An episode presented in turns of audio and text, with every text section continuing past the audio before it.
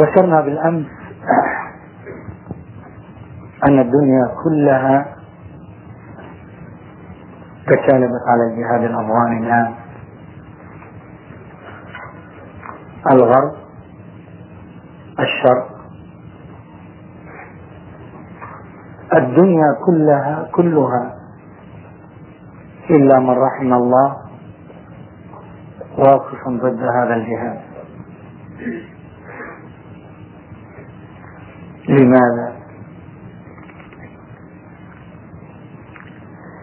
يعني لماذا هذه الحملة المسعورة على الجهاد الأفغاني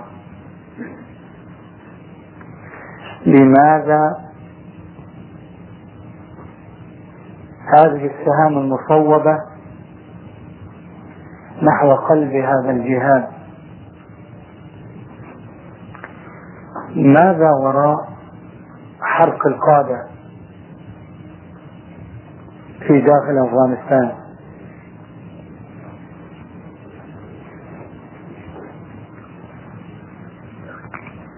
ماذا وراء إثارة الفتن؟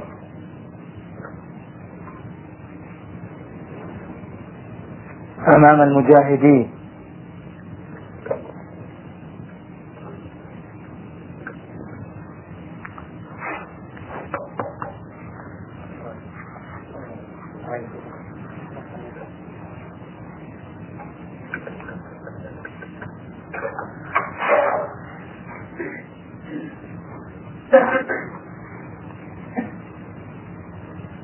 انظروا الآن ماذا فعل الغرب. كنا ظنوا أن هذا الجهاد عندما سيستنزف طاقات روسيا الاقتصادية العسكرية يمرر كرامتها بالتراب. يسخن الدب الروسي بالجراح يوقف الدب الروسي عن الوصول إلى المياه الدافئة والخليج ما كانوا يظنون أن الجهاد الأفغاني سينتصر هذه الانتصارات وسيحقق هذه النتائج في الأرض.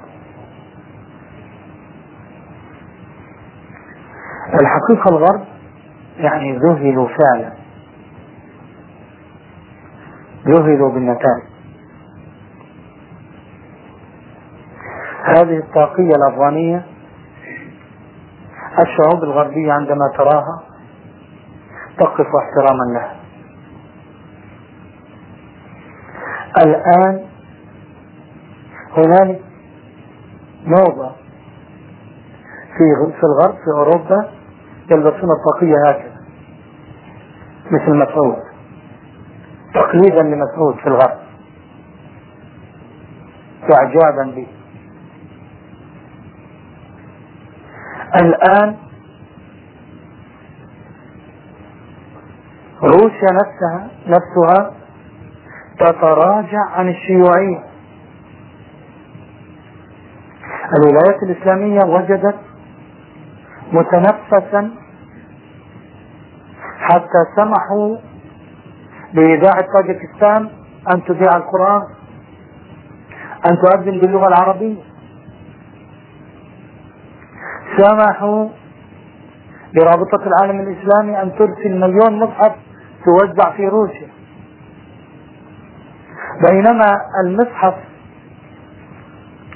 عقوبته في الاتحاد السوفيتي أربع سنوات.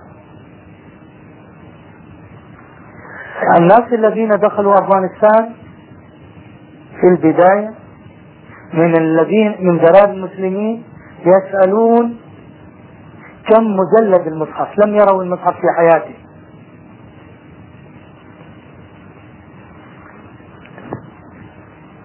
المجاهدون دخلوا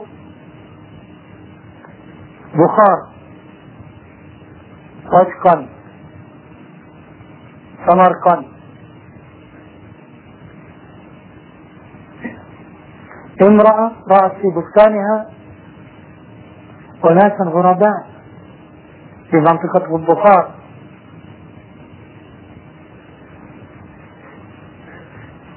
فسألتهم من أنتم؟ فتعرفت أو عرفت أنهم مجاهدون. قالوا لها تريدين شيئا؟ قالت في المرة القادمة تأتونني بمفعل.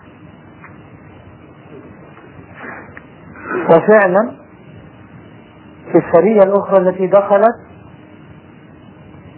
لاقتهم المرأة وأعطوها المصحف فخلعت حليها ورمتها عليه فأبوا أن يأخذوها فألقتها وولت وعادت إلى بيتها. الجهاد الأفغاني غير عقلية غربة شوف نفسه. نفسه. أو نفسه توكيد المجرور. كارلوتشي يقول لوزراء دفاع الأطلسي لقد غير الجهاد الأفغاني غربة شوف وسياسته تجاه العالم كله.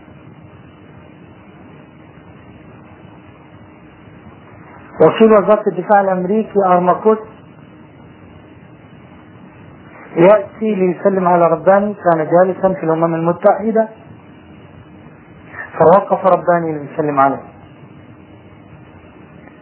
قال يا سيدي وكيل وزارة الخارجية الأمريكية الذي يدير الدنيا بإصبعه؟ يا سيدي لا تقم أنت يقام لك ولا تقوم للناس.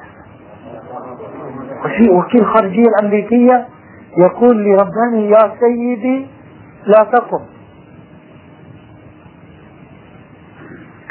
عندما التقى الوفد في الطائف وفد المجاهدين مع وفد الروسي اشترط المجاهدون أن يدخل الوفد الروسي أمامهم. حتى يقوم عندما يدخل الوفد الافغاني من كان يحلم أن روسيا تتنازل من عظماء من عظمائها من عليائها ومن عظمتها وتتكلم مع دولة من العالم الثالث. من؟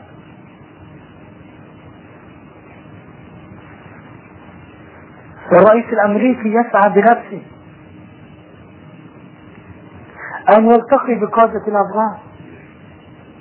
وبعضهم يرفض وبعضهم يقبل ليعرض عليه الإسلام. يونس خالص قبل حكمة يار ثمان ساعات. ثمان ساعات ووزير الخارجي والسفير الباكستاني يحاول إقناعه أن يلتقي برجال ورفض. فقال له هذا الباكستاني السفير الباكستاني قال له أنت مجنون؟ ستون ملكا ورئيسا على قائمة ريجان وهو يرفض مقابلته. وأنت ترفض مقابلته؟ قال نعم.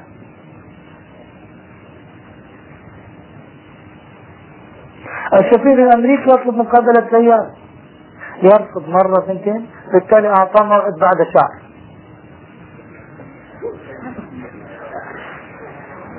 بعد شهر. نعم. هذه الحقيقة النماذج التي أظهرها الجهاد الأفغاني أذهلت الدنيا كلها. أرمقوس طلب مقابلة القائد السبع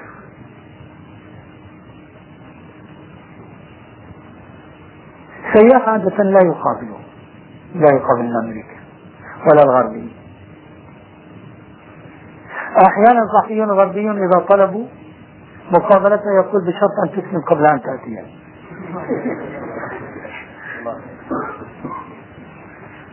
فالمهم قال له للجنرال الباكستاني قال له أنا أقابله مع السبعة بشرط واحد أن أفعل ما أريد. قالوا ماذا تريد أن تفعل؟ قال بشرط أن أضربه أكم بوكس فالجنرال الثاني جن جنون قال أنت مجنون. هذا وكيل الخارجية الأمريكية. كاتب صغير في السفارة الأمريكية إذا مت الدنيا تقوم ولا تقوم قال له إذا ترجم ما أقول له قال طيب. جلس أمامك استقبال والشيخ سيفلح ما شاء الله. عنه قال له أنتم أخبث أمة في الأرض. هاي أول كلمة. هذا الجنرال الباكستاني صار يتلفت حواليه. كيف يترجم؟ دهنها بزيت دهنها بهذا ما بلعها ما استطاعت. ما دخل.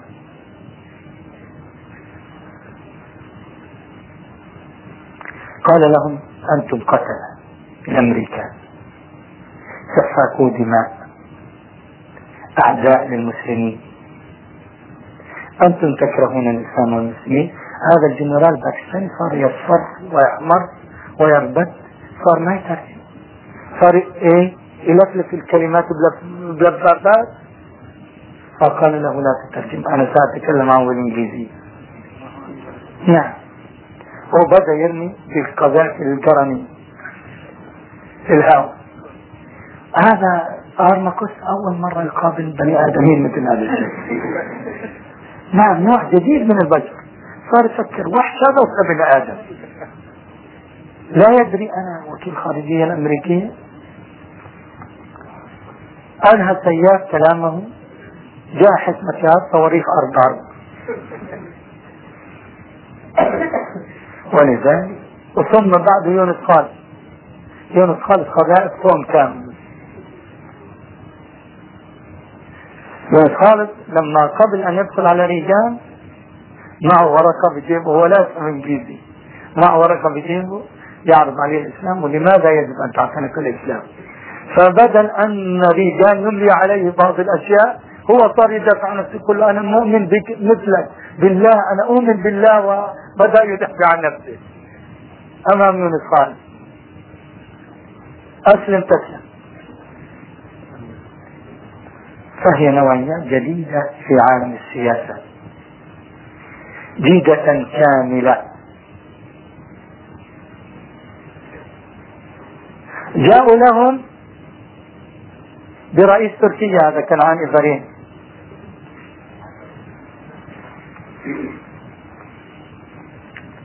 فعلى أساس أن يطوعهم بعض الشيء. فهم قالوا لن يتغدى به قبل أن يتعشى بنا.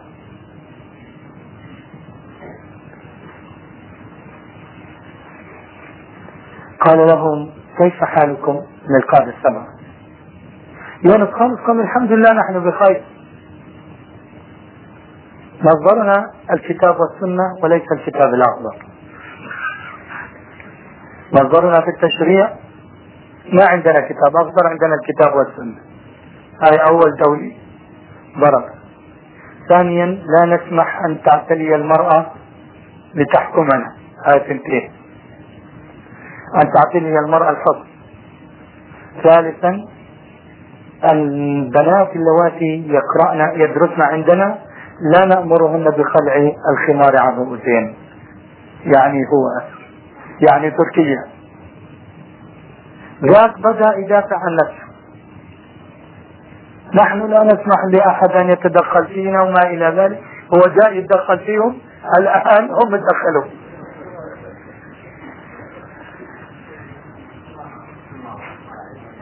الحقيقة نماذج جديدة فعلا. على عالم السياسة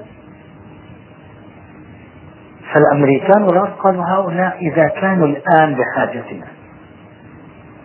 ويفعلون بنا هذه الأفاعيل.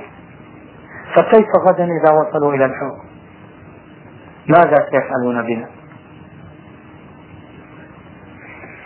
ومن هنا فالدنيا كلها توافت أن تحاربه.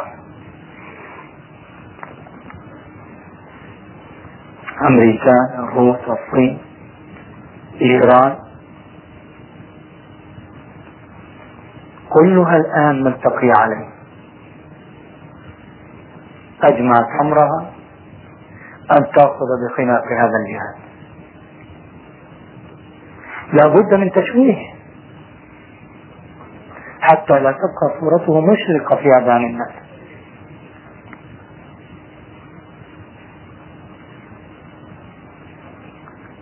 بدأوا يصورون أن الجهاد الأفغاني عميل لأمريكا وأنه يعيش تحت رحمة المخابرات الأمريكية. يقف ريجان على التلفزيون أو السي آي اي يسألونهم كم تقدمون لأفغانستان؟ فيقولون 600 مليون دولار سنويا. والله يشهد أنهم لكاذبون. قالوا نحن اعطينا ستينجر للجهاد الأفغان. والستينجر السعودية تدفع كل ثمن صاروخ ثمن كل صاروخ سبعين ألف دولار. والأمريكان يتبجحون أننا نحن الذين نقدم هذا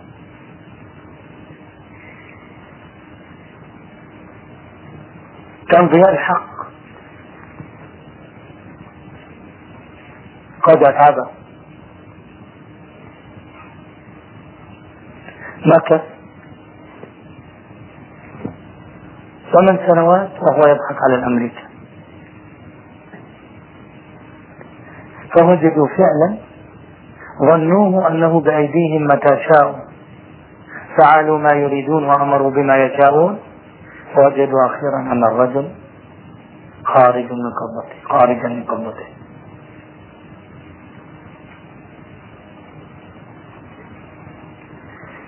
قالوا له وقع معهد الجنيف امتنع. ضغطوا عليه ضغط عليه العالم الإسلامي. قالوا للعالم الإسلامي نحن نريد معاهدة جنيف. من أجل أن ننهي لكم الحرب العراقية الإيرانية ومن أجل أن نحل المشكلة الفلسطينية وتحل قضية أفغانستان وكلها في المعاهد. فضغطوا على ضياء الحق. عقدوا مؤتمرا إسلاميا في عمان. أرسلوا الملك حسين حتى يقنعه أن يوقع المعاهدة. ومكث ثلاث ساعات وهو يتكلم معه عن ضرورة توقيع المعاهدة. قال له أنت جئت في آخر الزمان الآن جئتني تقول وقع معاهدة الجنيه. تفكر الآن القتال في أفغانستان مثل القتال في فلسطين ولا في لبنان؟ الآن المجاهدون منتصرون بالأرقام والإحصائيات. روسيا مخنوقة مضطرة للهزيمة مضطرة للانسحاب فنحن لماذا نبيع القضية؟ الأرقام عندنا تقول حتى بداية ال 88 أنه سقط 2008 طائر. ودمت 17 ألف دبابة وأحرق 21 ألف سيارة.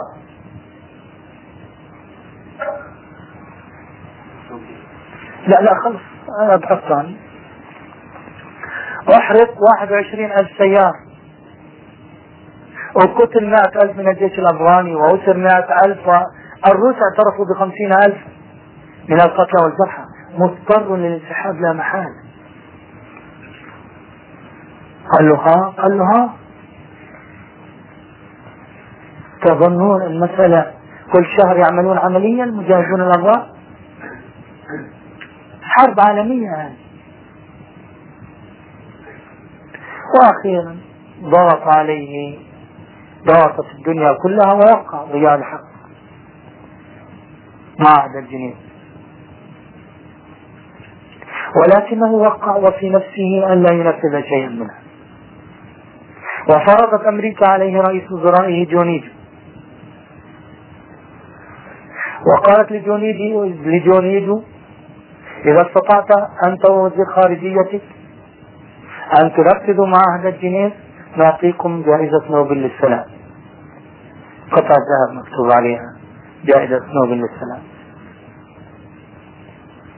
فأخذ جونيد يضع الأرض شرقا وغربا طمعا في قطعة الذهب هذه ليبيع أفغانستان ودماءها وأعراضها مقابل قطعة الذهب. أخيرا وجد أن ضياء الحق لا يريد تنفيذ المعاهدة. قال له سأقدم بك تقرير للأمم المتحدة ولأمريكا ولروسيا وللصين أنك لا تريد تنفيذ المعاهدة فكر الحق قال لا طريق إلا أن أصيح بالحكومة المدنية. جمع الوزراء وجمع مجلس الشورى وكان جونيد في الصين قال لهم لقد قررت أن أخذ الحكومة المدنية وأعيد البلد إلى حكومة عسكرية. ثم قال في نفس الخطاب سأقف بجانب الجهاد الأفغاني حتى أودع آخر مجاهد أفغاني عند بوابة خيبر معززا مكرما منتصرا.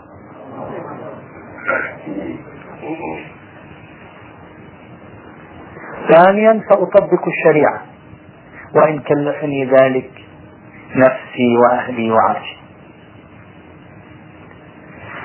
وزير الداخلية اسمه أسلم خطر مسكه على جنب قال يا ضياء سيقتلك الأمريكان. فقال له إن الذي يتخذ قرار الموت والحياة في السماء وليس في الأرض. والرصاصة المكتوب عليها ضياء الحق لم تخطئه أبدا. قال لي أحد مستشاري بعد في الأيام الأخيرة في الأشهر الأخيرة. قال لي ضياء الحق إن الأمريكان قد وقعوا أوراق قتل. والقضية قضية الزمن. جمع قادة الجهاد وقال لهم الدور الآن مطلوب تصفيتي وإياكم جسديا ولا ندري من السابق إلى الله.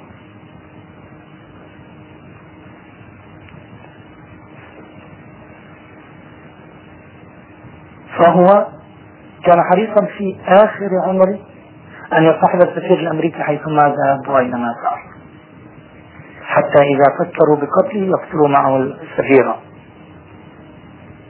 حيثما ذهب قل تفضل معي حتى آخر نصف ساعة في حياتي في مطار بهاء البور قبل أن تقلع الطائرة بقليل عند بعد أن قبل أن سقطت بربع ساعة السفير الأمريكي اعتذر وقال له أريد أن أرجع. قال له لا تعال تنمت إحنا وياك تنمت إحنا وياك ما قالها. قال لا لازم تطلع معنا.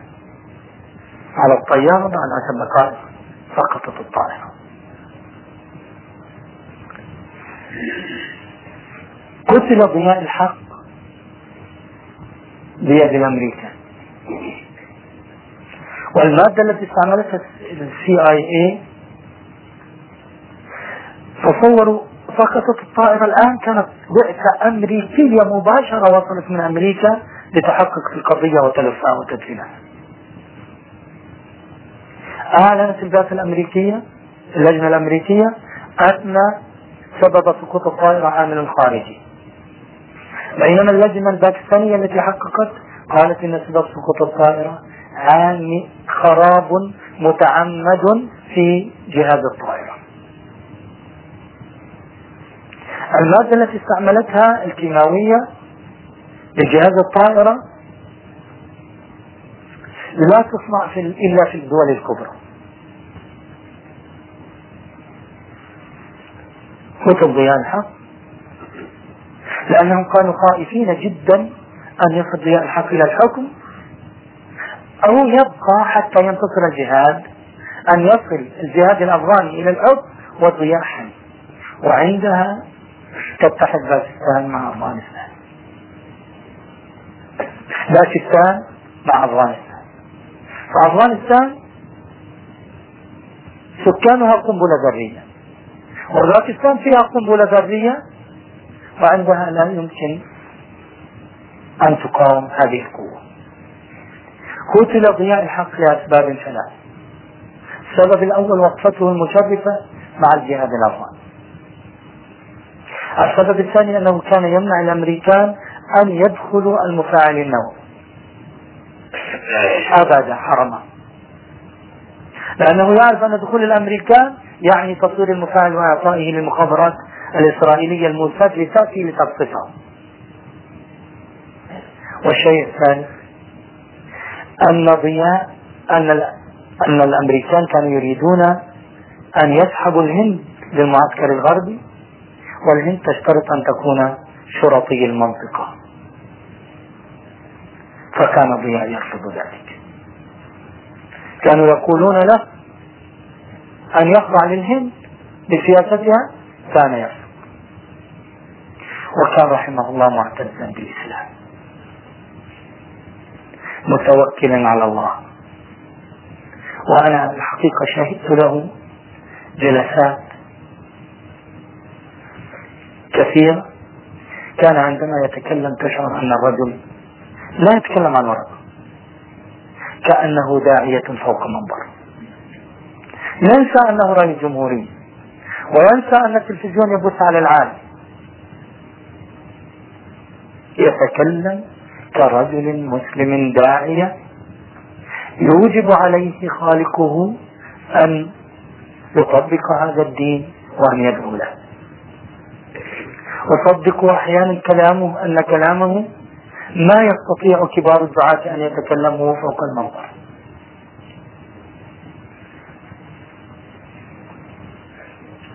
مضى الحق في الوقت الذي كان الجهاد الأفغاني قد تجاوز عنق الزجاجة وجاوز المرحلة الخطيرة.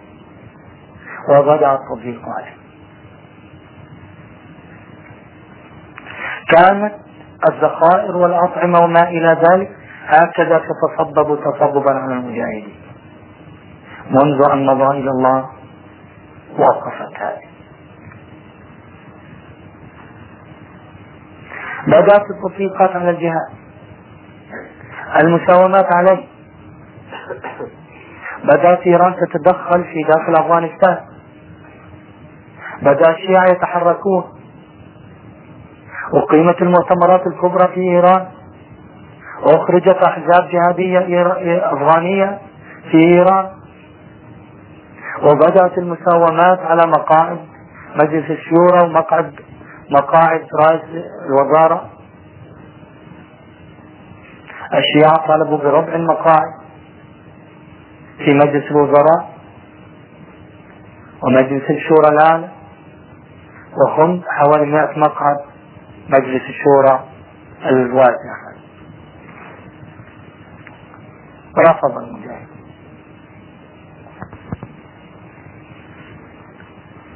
الضغوط تزداد عليه. تشويه الإعلام.